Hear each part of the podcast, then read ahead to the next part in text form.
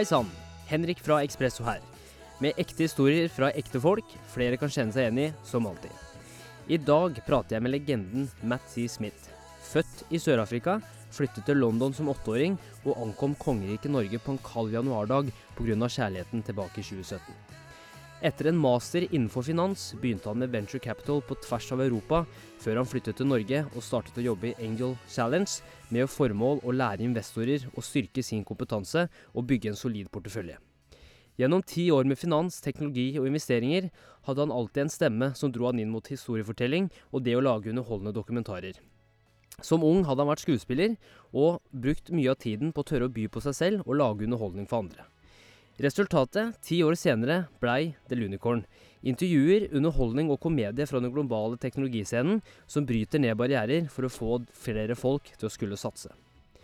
I dag pratet vi også om mental helse. Mer presist menns mental helse, og hvorfor det er viktigere enn noen gang før.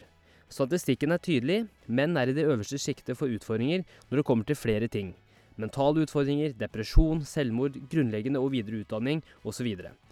Ikke minst er det mange myter om menns seksuelle helse som ikke får lov til å komme opp til overflaten, og dette er første samtalen min med Matt, og neste gang skal vi dykke enda dypere inn i dette temaet. Og tiden framover er det lurt å følge han for å lære mer om den globale teknologiscenen, men også stereotypier og det å skulle bryte ned barrierer om menns mentale helse. Dette er episode 45 om Matt C. Smith.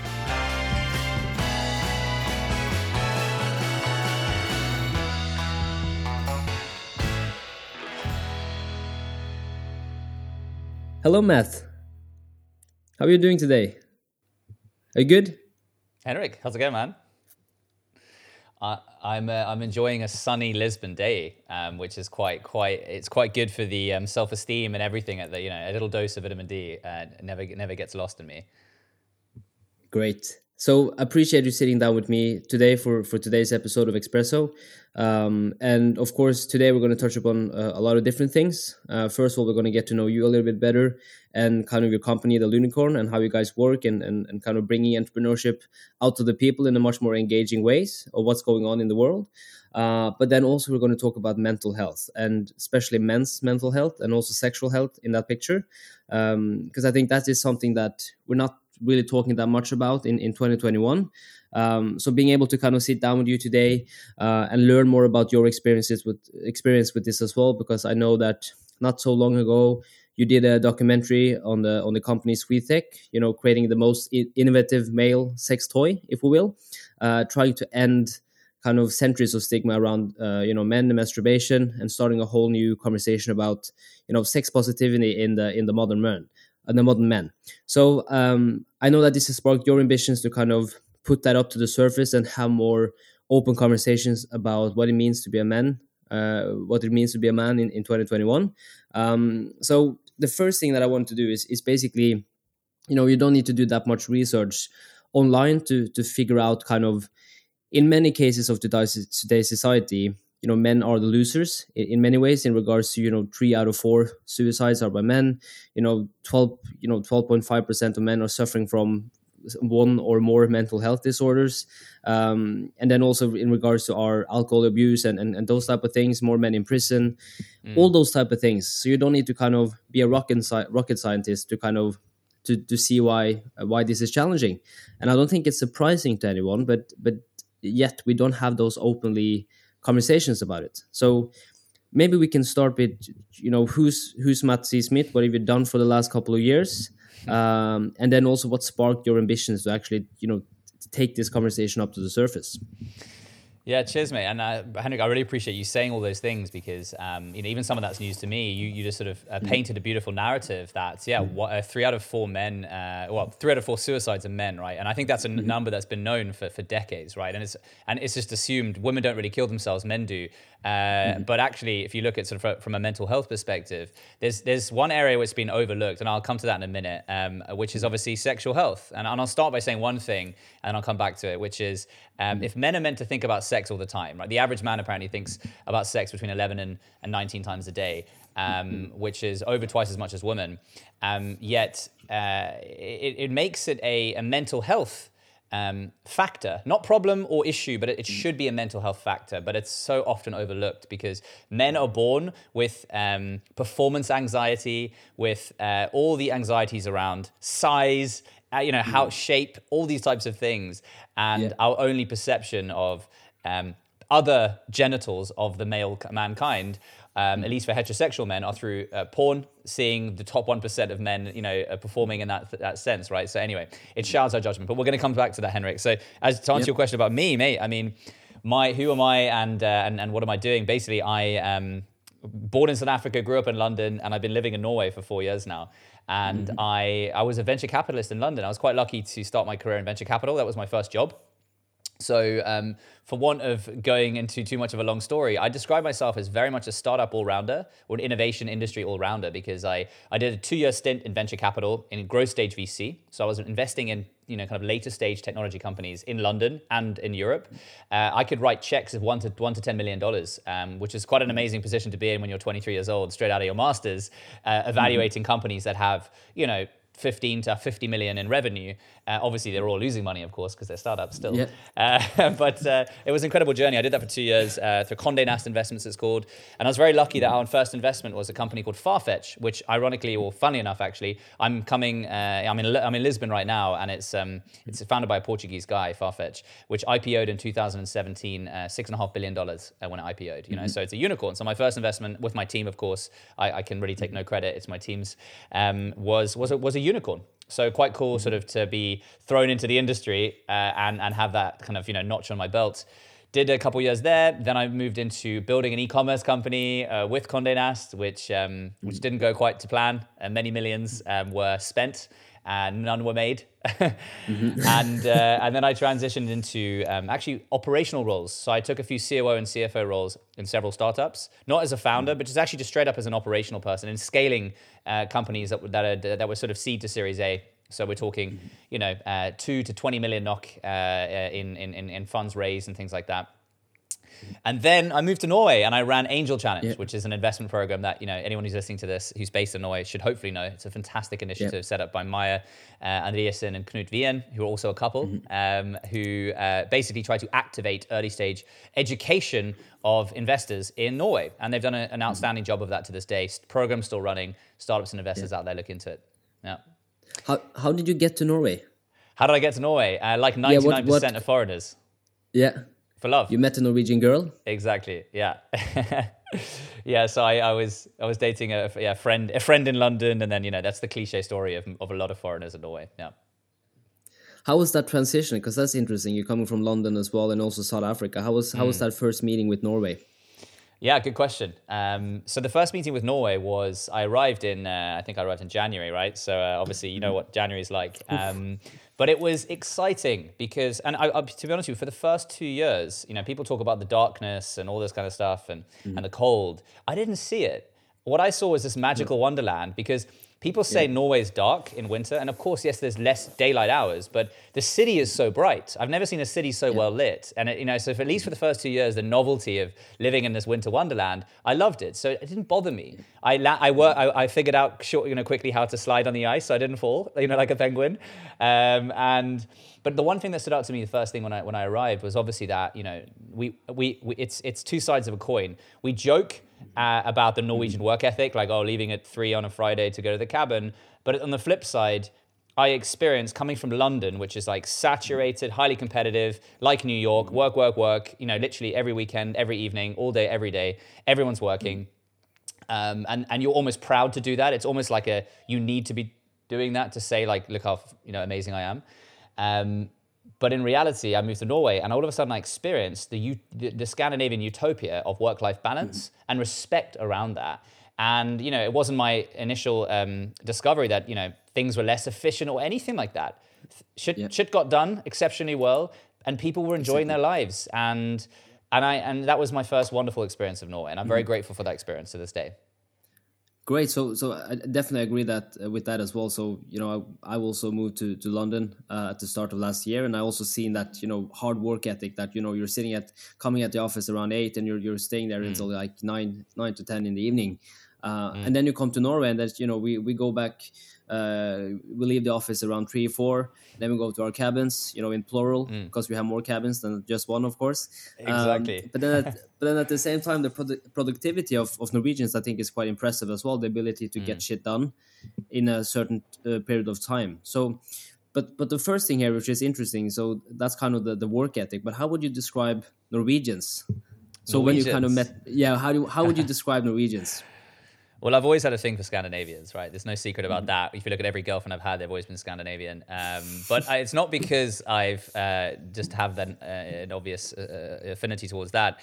I've culturally connected with Norway because being mm-hmm. South African, we are outdoors people, as are Norwegians. If you forget the climate, the polar, the different poles, um, yeah. we're very similar people. Um, Norwegians can tend to be quite sort of uh, down to earth, and you know, and there's a la- there, there is there is a lack of arrogance. You know, Janteloven ha, you know, has had mm-hmm. some good effects on a culture. Obviously, it's not all great and it's not all good, and you should be more competitive and you should obviously put yourself out there, right? I'm not, I'm not agreeing or disagreeing with Janteloven, but my personal experience with Norwegians was. Um, yeah, just a, just a level of trust I'd never experienced. You know, sort of like I remember because you know I started working with Knut Wien straight away at Angel Challenge, and just that level of trust in my ability without you know, and I never had that experience before. No follow up or check in. Like oh, mm-hmm. you, could, you could look at it from another side. It's like a lack of accountability. You know, almost mm-hmm. like you could get away with things if you didn't. But at the same time. Yeah. I, he had full trust in what I did, and I did stuff, and he'd be like, "Yeah, great, good job." You know, mm-hmm just I never had that level of trust in any experience in my life. Bosses would always yeah. be, and they weren't bad. You know, my my former former colleagues in, in London and different companies there, you know, they weren't micromanaging or anything, but there was always a follow up, a constant follow up. You know, and you always felt that you are against some digital magical virtual clock which they were keeping and you didn't know where it was if they'd started it yet or not right so trust is something i really experienced in norwegians which i uh, again um, i'm really grateful for yeah that's that's a very good point because we have this uh, we have this new chief for the Norwegian Armed Forces, which is mm. his name is Eirik Kristoffersen, mm-hmm. and he, he was a special soldier for many years, and his approach is also very transparent. To kind of he always starts with trust mm. with his colleagues and, and employees, and then what you see in, in most cases where kind of employees need to they need to kind of prove themselves why they should mm. earn the manager's trust, right? But he has been very open with saying like you know I always start with trust, like mm. I I always got your back 100 percent until the other thing is kind of proved. So, mm. so, you're not you're not deserving of my of my trust. So I think that's a very it's a very good um, what can we say trait of the Norwegian culture, at least from sure. how I've understood it, is that mm. it's it seems like it's a very flat hierarchy, and we kind of we, we support each other and, and trust each other. Um, so how how kind of because the interesting element of today's conversation as well is around mental health and. Mm I also every time I have some some people on the podcast, I really also want to get to know them a little bit better as well. So could you could you shed a light on your kind of your upbringing in, in South Africa as well? When when did you move to, to London and how would you describe Matt as a as a as, as a child and a and a young person? Okay, uh, yeah, sure. Uh, so I was yeah born in Johannesburg, uh, in uh, mm-hmm. which when I when I lived there in the nineties, I think it was the murder capital of the world. Um, mm. obviously, I lived in a sheltered, gated community of privilege, of course, because uh, you know that's mm. just uh, there's a huge wealth divide there, right? So, born into yeah, but my, you know, born in my dad was uh, in banking. Uh, my mother, my, my, my, my mother was a full time mom. Um, grew up in a in a in a like picturesque kind of first world setting in a third world environment, right? So we had gated, mm. big fences, chauffeur driven cars, uh, you know not servants, paid help, but you know we still lived mm-hmm. in that day, day when when that was just common, and you know everyone was paid and looked after. But I grew up with cooks and all this kind of stuff, right?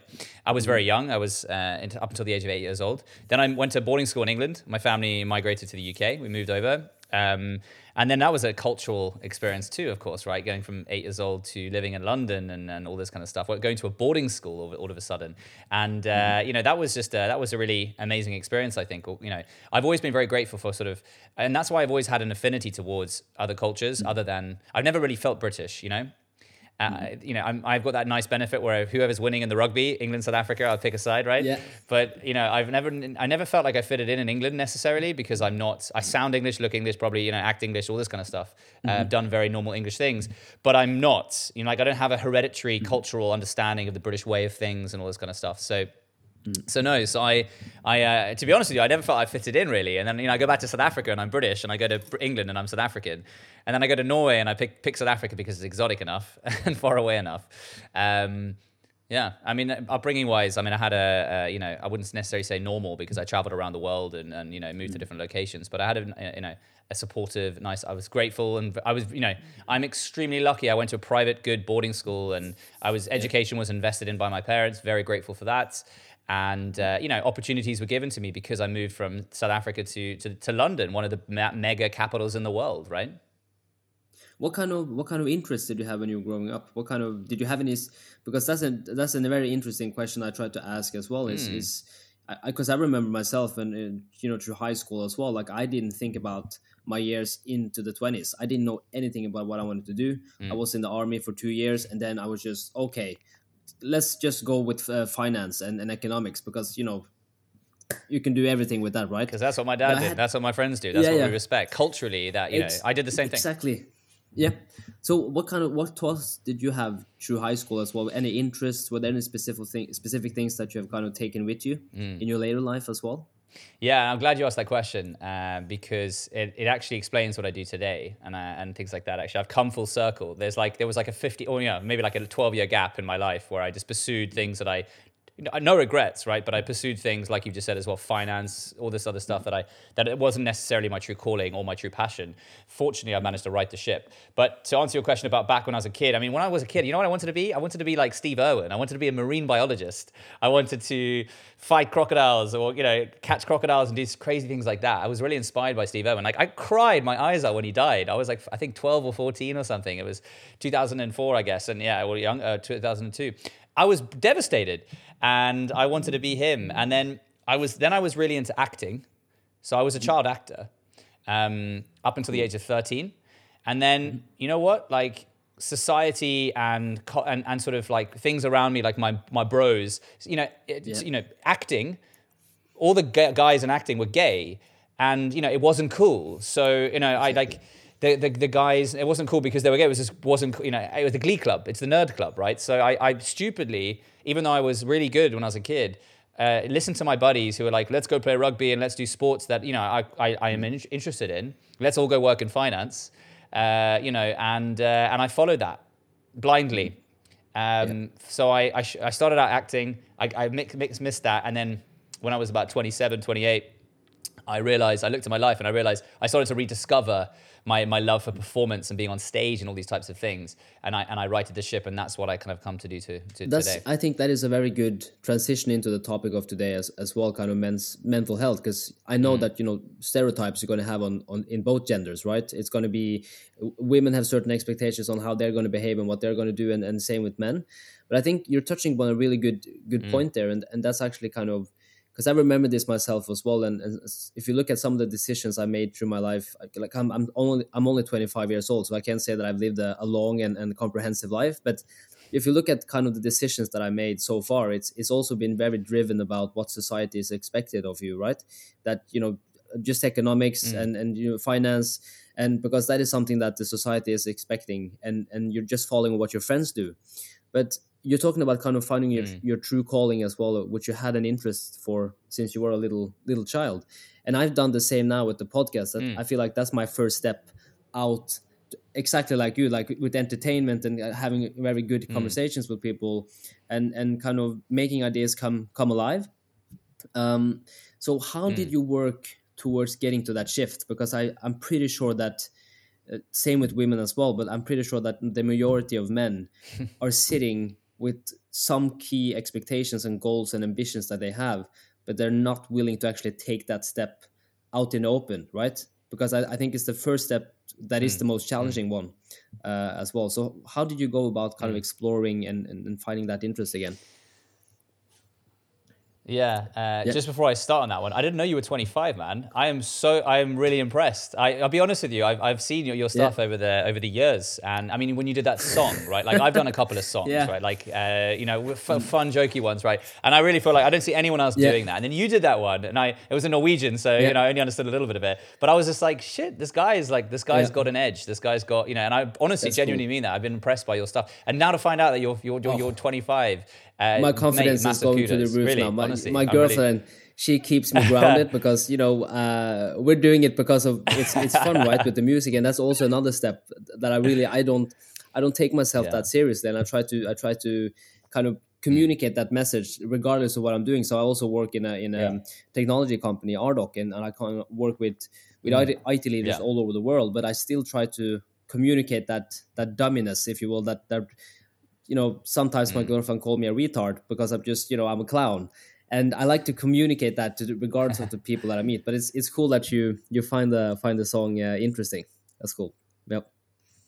No, dude, and all of that, you know, like, but um, okay. So, so to your question as well about sort of okay, so for me, I think oh, it's it's uh, oh, you know what? There's a really interesting conversation we could get into for another podcast about men's m- role as leaders for their for the next generation, like how they teach children. Anyway, but we'll get to that in a second. But um, for me, it was a life event that that triggered me to reevaluate my life. So actually, to, to look at it really subjectively, it was reflecting. I, it was, I, had a, I had a life event, which I'll tell you about in a second, which was forced reflection um, where I, ha- I basically reviewed a- another person's life. It was my father's because he passed away unexpectedly, heart attack, 2017. And this is one of funny thing. Like my year, my 2017 was the, my best year. I moved to Norway in January. Uh, you know, I was traveling around Norway doing the Angel Challenge programs. You know, everything was going right for me. And then I was getting recognized and I got listed as one of the most influential people in the Nordics at Slush in Helsinki. And, you know, I was 27 years old. I was like, shit, I've landed on my feet in Norway and I'm killing it. And I broke up with that girlfriend that I was with. And she's a dear friend of mine to this day. But, you know, like, so I'm grateful for her, even, you know, even though that relationship didn't work, to bring me into Norway. And then I was on my own in Norway. I didn't go back home. I stayed and I made it. You know, like I killed it in Norway. And then dad dies out of nowhere in Kenya, right? So, and at the end of the year. So fast forward until like January or whatever, after the funeral, and I was away for five weeks looking after my mother and, and all this kind of stuff, right? And then I come back to Norway and I was looking at my dad's life. And my dad uh, was a very intelligent guy, right? But my dad was an engineer by trade. But he, his entire life, he pursued a finance career that wasn't right for him. He, he was very successful, but he was also very unsuccessful. So he would, he would do really well and then he would lose everything. And then he would do really well. And he just he, he didn't have a knack for business. It wasn't what he was engineered to do. He was engineered to be an engineer.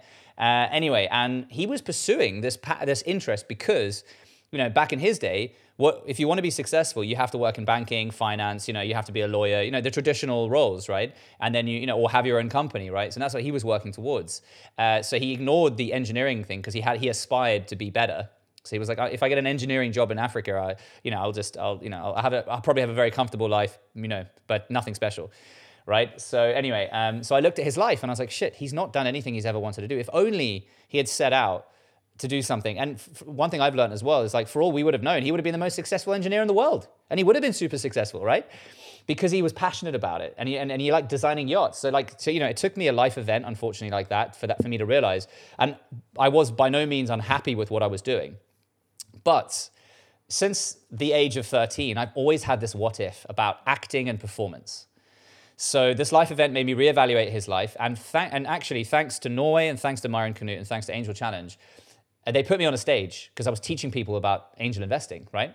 So I rediscovered this love for entertainment, this, re- this, this, love for teaching, for communicating in, in, a, in, a, in, an open plenum, whether it's two people or 2,000 people, the more the better for me, really. And I loved it. So I was grateful to them. And I was like, you know, uh, I need to pursue this. So, you know, that was that beginning of 2018. And then by, the, by May, I quit my job at Angel Challenge before yeah. I really had a plan. I had an idea. My, my good mate Andy Chen was uh, championing me.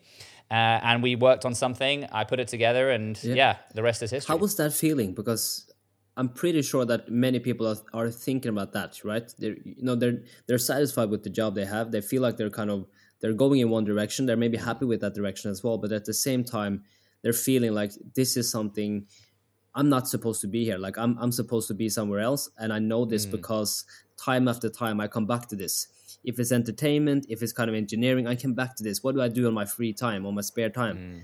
What do I do? So how was that feeling for you when you actually made that step and you were just, okay, I, you know, I'm done with my job, but n- what now? How was that? Mm.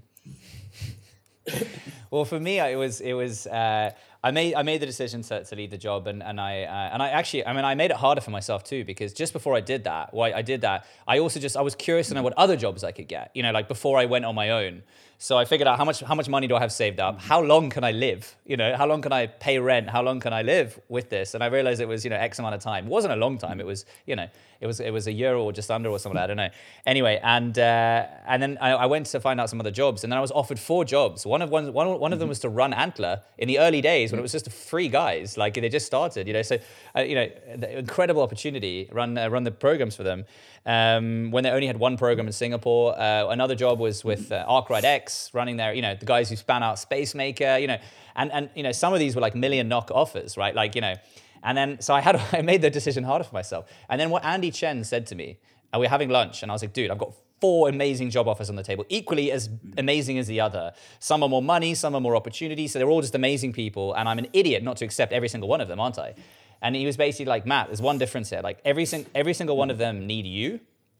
For what you want to do, you don't need any of them. And then I was like, you know, you're right. Like, and what he meant by that was not that I knew it all and had it all, but it was that what what I wanted to do, I had this mm-hmm. itch I needed to scratch. And if I didn't just go all in on this itch, I was never going to scratch it. Mm-hmm. I was just going to be tickling it. And that itch would always be ticklish, you know? So I just, I needed to scratch that itch so I just thought, you know what, screw it. I'm gonna scratch that itch, itch. And I and that feeling was terrifying. It was the best summer I had. It was the scariest summer I had. Uh, it was a sunny, sunny summer yeah. in Oslo. Remember that one where it was 100 degrees the whole summer? Um, mm-hmm. So that helped. and I just slowly tried to figure out what I was going to do. But I had great support. I had Andy Chen, who was a friend who turned into my chairman and lead investor. How can you? How can more people go about doing these things, right? Because I'm just thinking about this as well, like being afraid, as we talked about, being afraid to take that first step. Uh, because you're also, especially in Norway, like we we we do live a very comfortable life in Norway because we have kind of Nav, we have kind of all this uh, kind of the security nets, right? So if you fuck mm. up, what's the worst thing that will happen? Yeah, you you, you might exactly. move into your your parents your parents' house for maybe two to three months, and then you're back from start again. Mm. So, but how can we get more, especially Norwegians? Because I think. Uh, you know, as you talked about, kind of being privileged as well. I think the people that live mm. in Norway, god damn like we're we're so lucky to live in norway uh, but at the mm. same time i don't feel like maybe we're taking enough risk and risk doesn't mean to kind of do something revolutionary things i just think about more mm. following what you really want to do so how do you mm. think we can get more people to actually take that step because I, I know that this is applicable to i would say majority of norwegians i, I would be mm. pretty sure of uh, I mean, obviously, ha- you have to take it with a pinch of salt, right? Because you know, like we, you know, we work in this innovation industry where you know we all think we're so brilliant because yeah. oh, we're all taking these, we're doing what we love, and we, you know, all this kind of stuff, right? So you know, I'm very mindful to like not not to call bullshit when bullshit needs to be called, right? So, firstly, it's not not for everyone, and and you know, there's nothing. You're equally as respected by me or anyone if you stay in a job for, for your whole life, building a career, building a skill set, building a domain, right? Like, good for you. Um, but if you do have those kind of interests in other things, like I, uh, you know, I, I, couldn't urge people more to sort of find a bit of a, an interest and a passion. And the only way you do that is by scheduling it. Yep. So what I mean by that is, so if, you, if you're struggling to find that passion, if you're in a job, a good job, you're at Telenor, you're at DNB, you know, you're in a good job, but yeah, you are in a big corporate, you're in a cog in the machine, and you know, you, are in that system, you're in, in, a stable system, right? Um, is to um, firstly schedule um, uh, reflection. Mm-hmm. Like I'm not going to pre- pretend, preach here and pretend that I'm so bloody mindful. And I, you know, I try to meditate every day and I try to do the stuff. But you know, we all have realistic lives and things get in the way of that. But schedule things on a realistic basis. So every couple of months, like every three, every quarter, you should have a check in with yourself where you go, all right, you know, like firstly, in the last three months, has something new come up that I'm interested in? For example, Clubhouse. Like I know a, a dear friend of mine, Uriah Oftedal, who's also a podcaster, right? Mm-hmm. Um, uh, podcaster of Power Ladies, right? Check it out if you haven't heard it. Um, you know, she she she's a guru at social media and, and a podcasting, but then you know, Clubhouse jumps in, and she's on that like uh, in a heartbeat, right? So, I think the, the the my best recommendation to anyone would be to um, schedule uh, time with yourself. Mm-hmm. every depending on your availability, every day, every week, every month, uh, but on the minimum once a quarter to go. All right, forced reflection. Like you know, am I on a path that I that I'm happy with? Um, is there something new that's come up recently, or is it the same thing still every single quarter that I'm still thinking about? Like me, like the performance thing. Shit, I've been thinking about this for over ten years, nonstop. Like, what if? What if? What if? What if? And then I needed that that I needed that forced reflection to do the reflective process and go, well, you know, where I am right now, and to your point again, Henrik, about safety nets and stuff like that, right? Like, you know, yes, we're all privileged in Norway, right? But you know, let's not go, oh god, let's be shameful because we're privileged. No, embrace it. Yep. And go, you know what? If anyone in the world is is going to do something like this, I've got the best advantage. Don't be apologetic. Take it. Exactly. I, I- totally agree, and, and and just kind of to address that point as well. It doesn't matter what you do as long as you know the things that you're doing, you really enjoy enjoying it. Um, so if you kind of look back at that transition um, at that year when you kind of through that that hot summer as well, when you kind of you, you sat down with yourself and you had that reflection, how how do you think your life would have been if you didn't make that change? So if if you where would Matt have been like now, two years later?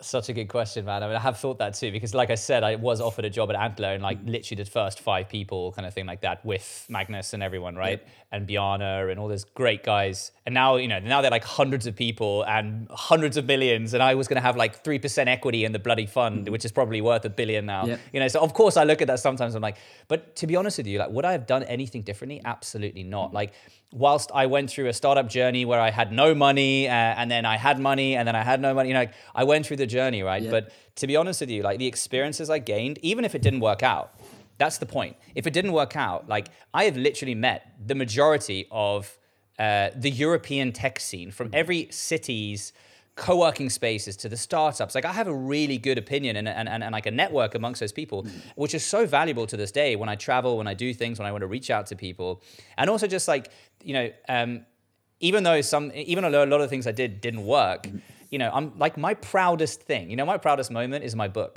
right the, the startup Yeah. buzzword dictionary do you have a copy you do I, we had it in uh, we had it on Ahoy, you had it, the yeah, Oslo okay. House of Innovation. Okay, I don't know. Yeah, yeah. I'll get you one. Awesome. I got it. yeah, but that was my proudest moment. But you know, like that book was a marketing stunt, and you know, it's not you know, like you wouldn't call it a success in any way, right? Mm-hmm. But you know, I was so proud that I did that, and even though like no one cares about it probably, and you know, it's just a drop in the ocean, and you know, no one knows the time and effort and energy they went into it. I'm so proud of that, and I'm really grateful, and I can't wait to show my children one day that I did Yeah. that. My future children, future grandchildren, you know. You wrote a book. and it, and it also. awesome. I wrote a book Yeah. exactly, and I and I've and it just broke that threshold to me. And that's one thing I would say to anyone listening to this who's who wants to do something. You know, you I see it as like steps, like you break steps and thresholds throughout life, right? And sometimes those steps, like the, they're like the, the gap between the steps can be a year. Sometimes it's half an hour, right? So you make big steps, but as long as you just keep um, you know, keep trying to make that next step. And so, for example, the book was a challenge. Can I do this thing? I think it's cool. I think it's quirky. It was a success in the sense that you know people enjoyed it when I released it and, and all that kind of stuff. But um, but you know, just just it taught me so much. I know so much about that, and even podcasts, for example. You know, like I've I'm, I'm this media guy, right? I do all these different things, and like podcasting was actually been quite a difficult thing for me to get mm. used to. So I started that process doing the She podcast, right? The She mm-hmm. Community podcast called Breakfast with the CEO, and it was a learning curve for me, mate, because I'm better on stage live. And and you know, it was a learning curve for me to have a structured interview process, right? Which is a great learning for me. Yep. And it took me a couple, you know, but but you know now I now I can say if someone said I want to start a podcast and I say hey I've got ten tips for you about how to get started because these are ten mistakes I made mm-hmm. right? And to anyone who wants to do anything right you know you are only ever going to be better off for it regardless if you crash and burn. Mm-hmm. If you if you you know I- n- not not saying they crashed and burned but if you look at Flow Motion Didrik you Yeah. know he's a dear friend of mine right? And you know they they were this massive success factor and then they failed right? Uh, 8 million in revenue and then they blew up mm-hmm. And then he went on to Remarkable and did an incredible job there. So like he finished that startup journey like bankrupt, Yep. you know, not disgraced, but you know, you could, you could argue in his head he felt disgraced. Uh, and then obviously like the hottest startup in the country goes, hey, you know, you want to work for us as like our CMO? Yeah. You know, so like don't forget the value you create, even in in value, in, in something you can't see, you know?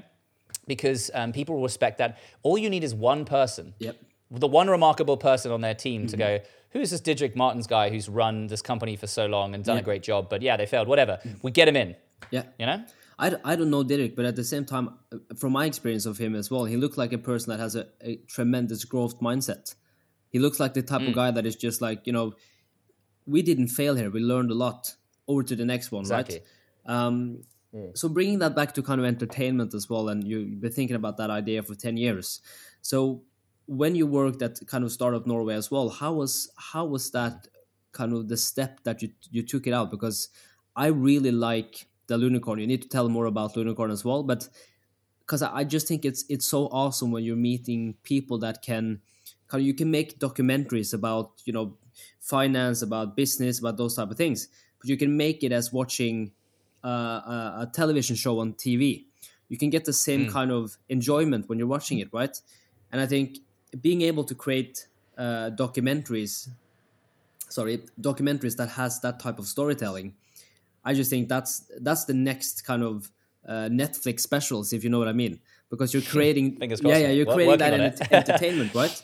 But you're also learning yeah. something at, at the same time. So, how did mm. how did the, the Lunicorn how did that that came about? Yeah, so how it came about was yeah, I was working at Angel Challenge and traveling around the country in Norway and meeting all these great people. And I was educating, I was teaching, I was effectively a teacher, right? I would go and run an investment program like an accelerator, mm-hmm. you know, once a week in Bergen, Stavanger, Bodø, mm-hmm. Mo i I was all over the country. It was incredible, yeah. right? And you know, and I and I developed a program with the help of my colleagues, and and you know, which is still uh, going to this day, and is I'm sure a lot better as well. But you know, I realized that, you know, we're teaching all these people, but there wasn't, you know, and, and what my kind of edge was, was that I, uh, my unique selling point, my special, what was my, um, my my spike, as as um, Magnus Grimeland says from Antler in my interview. Go check it out, Lunicorn yep. uh, on YouTube. Um, he says you need a spike, and it's like your sort of un, your unfair advantage. And I was like, I had a knowledge because I'd worked in VC, and you know I had this unique niche knowledge, like hyper niche knowledge, and then that was matched with an ability to be able to educate and like you know use tonality to get people in a classroom. So mm. all I was was I was a passionate teacher. Yep. I was a passionate teacher. The topic could have been French or German, mm-hmm. but I was a passionate teacher about tech and entrepreneurship. And then, you know, uh, you know, all that, you know, if I looked at the other resources that are available to these people, it's written. Mm-hmm. It's all written. And yeah. it's, and it's, you know, you can't really get passion out of written content, exactly. really, you know, like you can physically. Mm-hmm.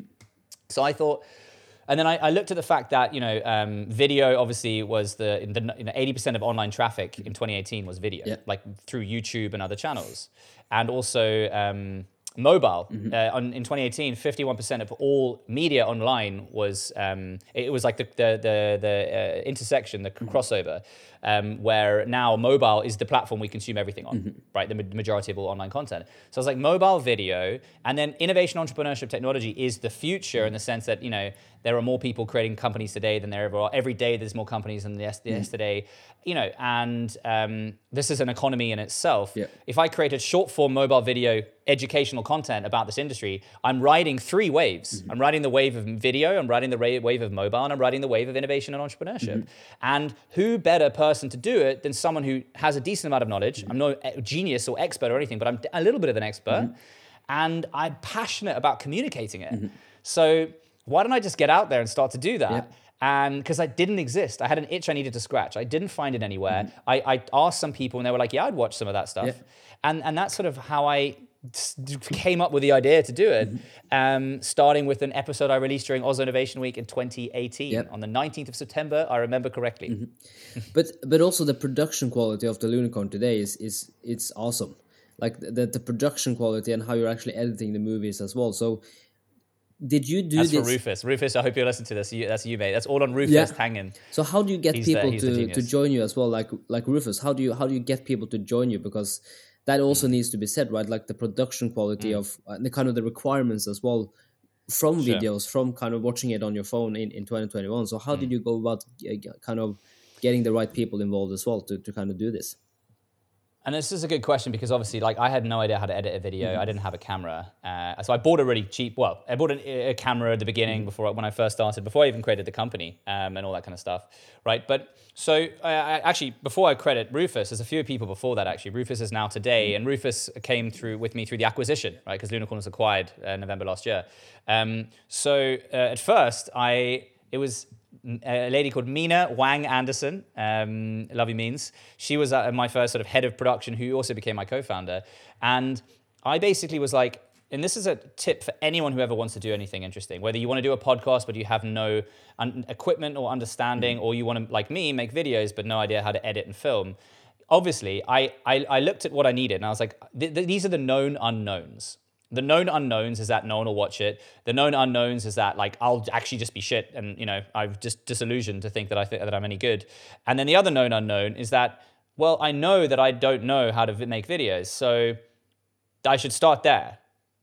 I'll start there. I'll find someone who's willing to do this with me, and I'll pay them out of my own pocket at the beginning, small amounts of money, uh, you know, as a test and all that kind of stuff. And then and and that's what I did. And I and I went out to try and find videographers and editors, and I serendipitously met Mina at a party uh, in a queue to buy a beer, and she was in front of me, and she's this cute little blonde girl, and I was like, "Hey," and I recognized her. I genuinely did, and I was like, "I, I recognize you." And obviously, she's in a bar queue, and there's this guy behind her taps on the shoulder, goes, "Hey, I recognize you." She thinks I'm hitting on her. anyway, but I couldn't remember why. And uh, anyway, and then we got chatting, and I was like, "What are you doing?" She's like, "Yeah, I'm a videographer." I was like, "Oh, it's funny that I'm looking for a videographer right now." Anyway, we exchanged details. Later, found out that we did actually had met before, and then and then she started working with me, and we and she evolved the brand for you know two years, and with Chris uh, Fay and a few others, and then now I've got Rufus, and who is an outstanding creative editor and uh, animator and all these kind of Yeah. things. And you know, the best thing is to like let them run a bit, as opposed to like this is the framework of the brand, yeah. but like do your thing, right? Exactly. Make it yours. So so fast forward kind of uh, two years then when you guys get got acquired as well. How how did that come about? Mm. Yeah, dude, it's crazy, right? Like, um, and that's the thing. I feel so fortunate, obviously, to have actually started a company and sold it, literally exited it, you know, which is crazy.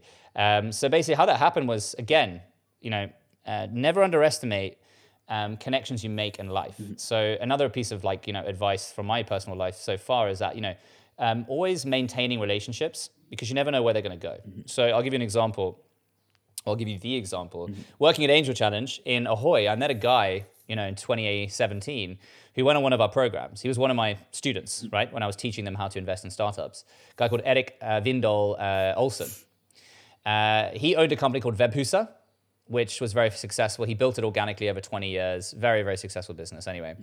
And uh, we had a good rapport and a good friendship. And uh, when I was going to raise money to the Lunicorn for the Lunicorn, uh, uh, which I closed the round in February 2019, uh, 1.5 million knock, my first round, I started to make the rounds of talking to people. And I'll tell you another story. So when I went to find those four jobs, you know, before I started Lunicorn, I uh, I met one guy at Arkwright, right? And then I, you know, I turned the job down, and he said, "Well, what are you going to do then?" And I told him what I was going to do, and he was the first person to say, "I'll put a hundred thousand in." Wow. right?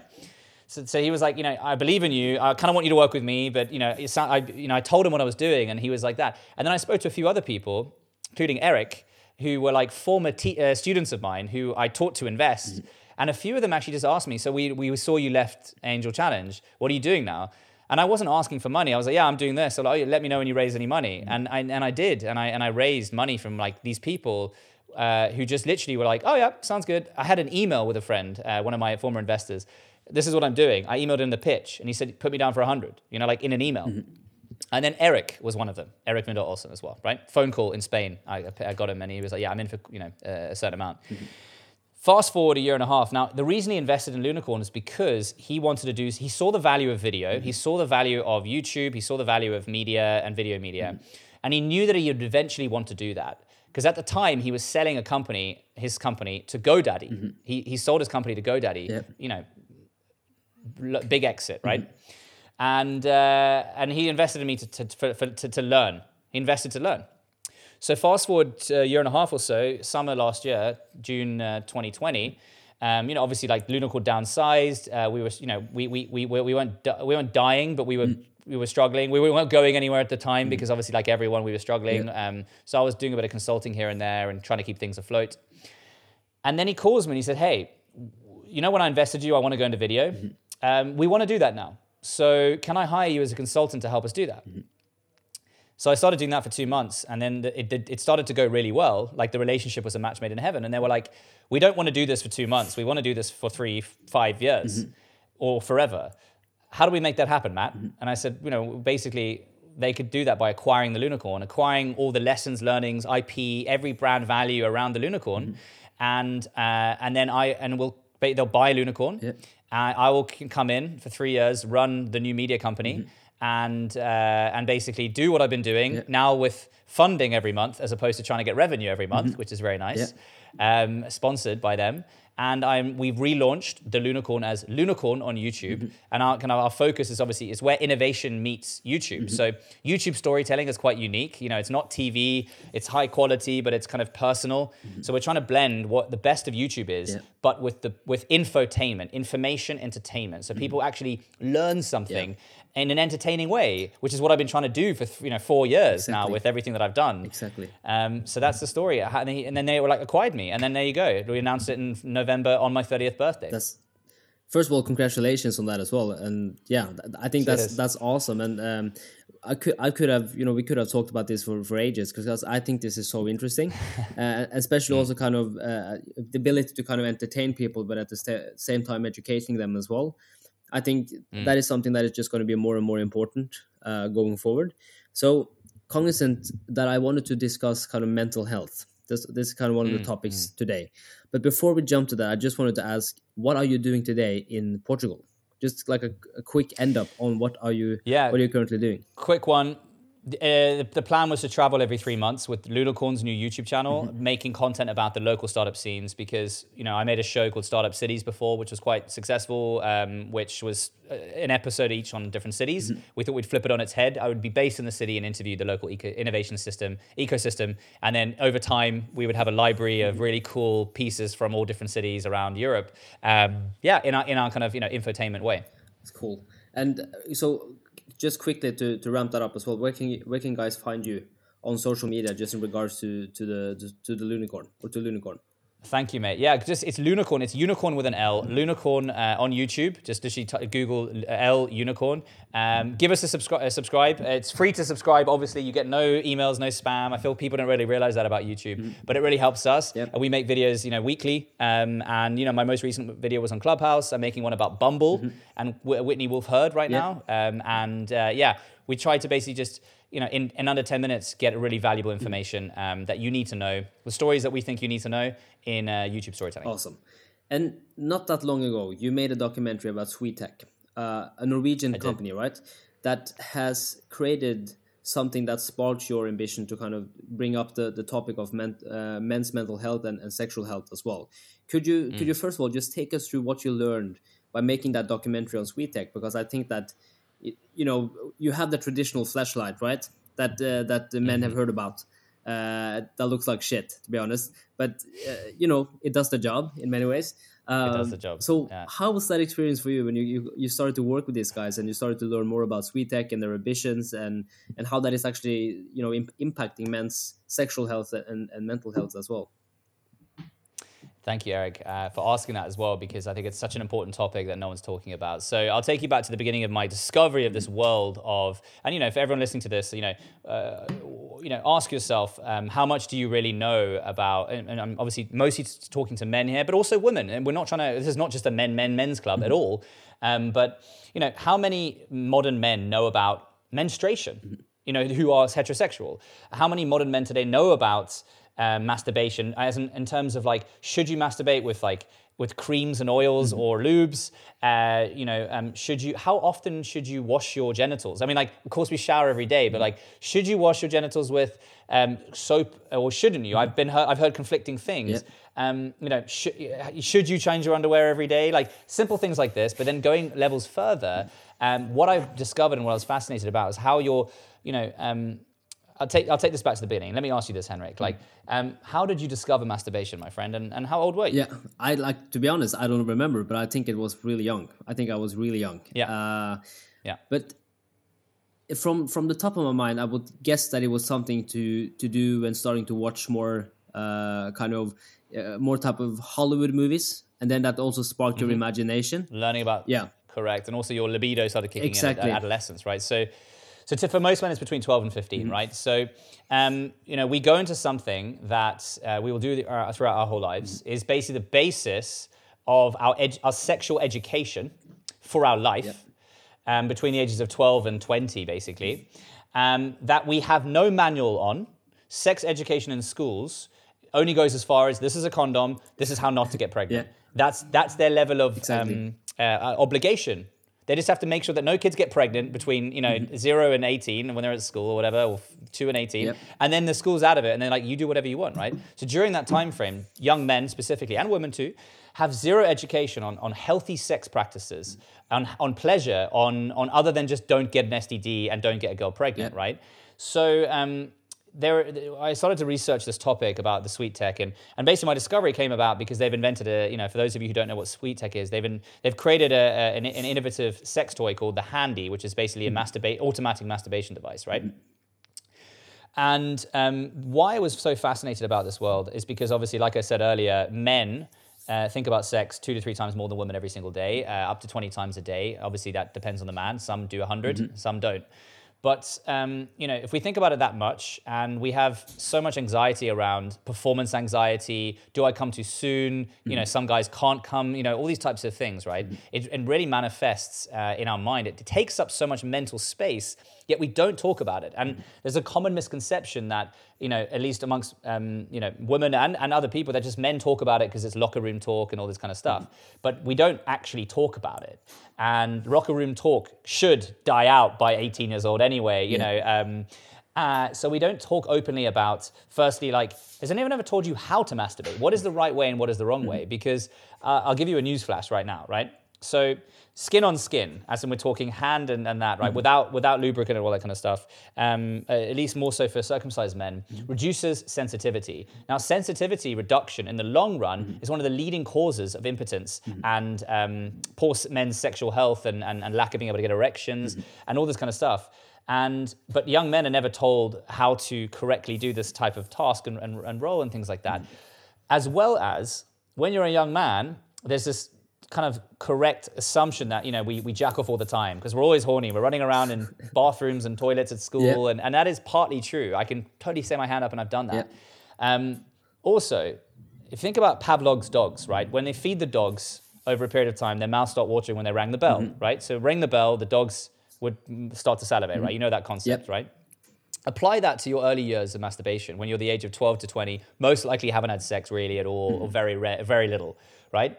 Um, every, you know, you tend to be very reactive. I'm horny, I masturbate. I'm horny, I masturbate. You engineer and train your body to be, uh, to, to desire uh, that, that, uh, you know, like that ejaculation, that release based on horniness. Meaning that in your later relationships, why do you think so many men feel like their girlfriends are less horny than they are?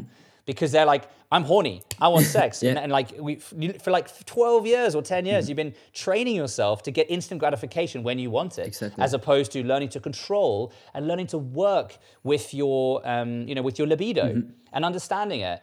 And there is zero education on this. Exactly. And you know, anyway, that's uh, my my little blabber about Yeah. it. But my point is that you know, lack of education. Uh, so I'm very much all of a sudden passionate about talking about. Let's talk about re-education of adult, re re, re se- uh, sorry, re-education of um, adult sex education. Like you know, let's re-educate. Yeah, probably a stupid question, but why do you think there's no education out there, or why do you, why don't you think there's any educational content around this? Because it's something that this is something like we we we bring through our entire lives. This is something that is with us from the start of puberty to the end to the day we die.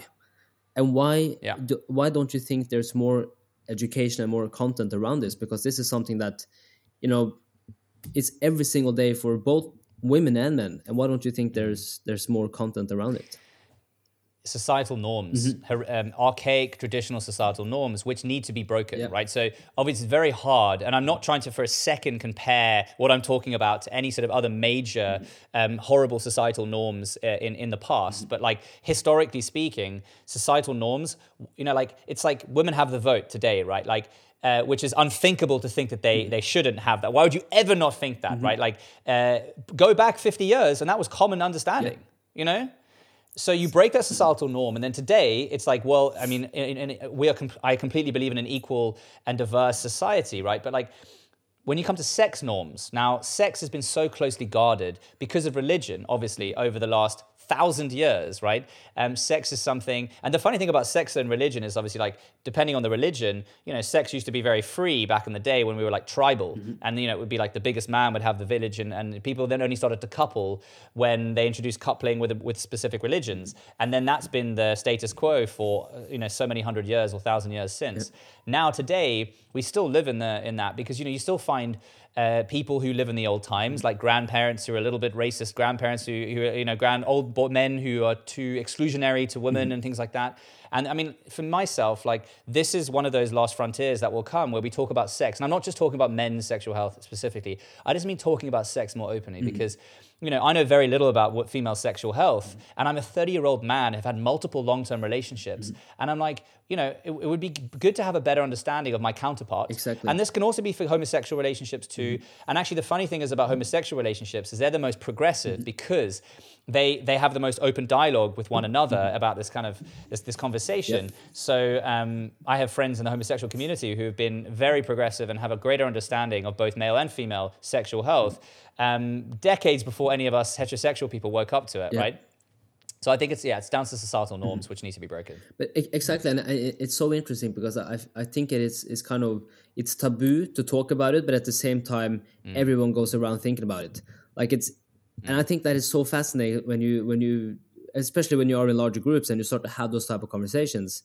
People get mm. a little bit uncomfortable, but at the same time, this is something that is with them every single day uh, and it's something that is on their agenda every single day and something that they you know they go through but then they don't have mm. kind of the vocabulary to actually have those kind of discussions so mm. how do how can we get this more into the open what do you think mm. would be beneficial to both for men and women but to, to be able to have those conversations but without it becoming kind of without it becoming dirty or porn or if you know what i mean like this is just a mm. conversation we mm. need to have mm. So you know, uh, it, this it, it, you've the, the answer was in the question. It just needs to be a conversation, right? Yeah. So like, and, and this is what I thought recently. And I'd be curious to know if anyone listening to this actually thinks I should do this. Like, I've I recently started a, a Instagram page just called Vanilla Chats mm-hmm. because I want to normalize what is vanilla. Vanilla is obviously the, the the analogy of basically like something is normal and and things like like I'm a very normal guy, right? Mm-hmm. You know, I'm super accessible. I'm not scary or intimidating. I'm a normal guy, right? And I think there needs to be no, more normal people talking about this mm-hmm. because you mentioned again about why this has not really been spoken too much about is because I looked at what resources and what people were talking about this today. Firstly, from the male perspective, all the people talking about male sexual health, literally 90% are women. Yep. And that's great and that's fine, but I didn't connect or identify mm-hmm. with any individuals. And then of those men, they were like porn stars and they were like great people, nothing, no, nothing against them. Mm-hmm. But I didn't identify with this guy who's like the most sexually expressive and kind of adventurous type you know, I didn't connect with that. I mm-hmm. want to talk to, I want to hear from a plain vanilla guy like myself yeah. talking about this topic. Um, and so I think, you know, um, we need to have more of that. Uh, I started a clubhouse just last week on Thursday where I invited in a guy called Jamie who has a podcast called Let's Talk About Sex Jamie. Mm-hmm. Um, and uh, and and and uh, the founder of the Handy, as well as another guy who has a startup in London who works on sexual therapy, cool. to talk about this. And and it was just fascinating because we so many interesting topics came up. Um, about, you know, for example, um, you know, uh, yeah, I won't go into details now, but it was just fascinating. So we need to talk about this. And so I want to ask the questions. I don't mind being embarrassed. I don't feel embarrassed. Mm-hmm. So I'm going to ask the questions that I'm thinking about. Like, really tell me the intrinsics about a period so I can understand what my partner is going through, you know, mm-hmm. through a, through a, week, a month, and things like that.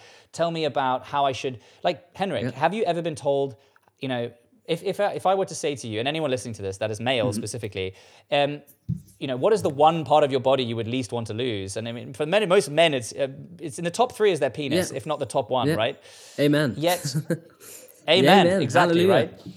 Amen. Hallelujah. And and I ask you, you know, um, if that's so important to you, like, what do you, what self care do you do for your penis? Exactly. I don't know. Like, like that's. But what self care can you do anyway? Exactly. Is it just meant to hang there and just be exposed all the time or exactly. what like in, into the elements? But it's just the small things that you mentioned there as well which is just like yeah how do you wash it? How do you take care of it? Like how, all those type of things should, should i moisturize it? Exactly you know like i have a funny one on that. So i was on this i was, I was chatting to these guys about this and i said to them and I, and I, and I again like i said to you i'm, I'm quite happy. I'm going to ask the hard questions and i'm going to answer them. So i'm going to say you know what i've recently started to do henrik? Mm-hmm.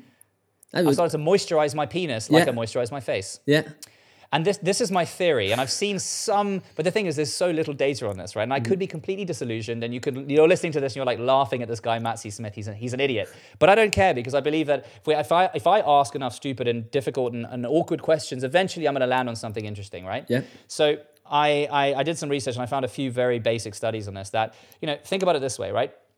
if you if you have a person right? What happens to our skin over our lifetime? It gets wrinklier and Yeah. gets more it's, it's been exposed to the elements and stuff like that right? Right men. And I feel for you women and gay men as well like you know uh, we, when men start out our penises aren't pretty to look at already right? Like they start out as these little wrinkly foldy things. Yeah. so you know they get worse over our lives right?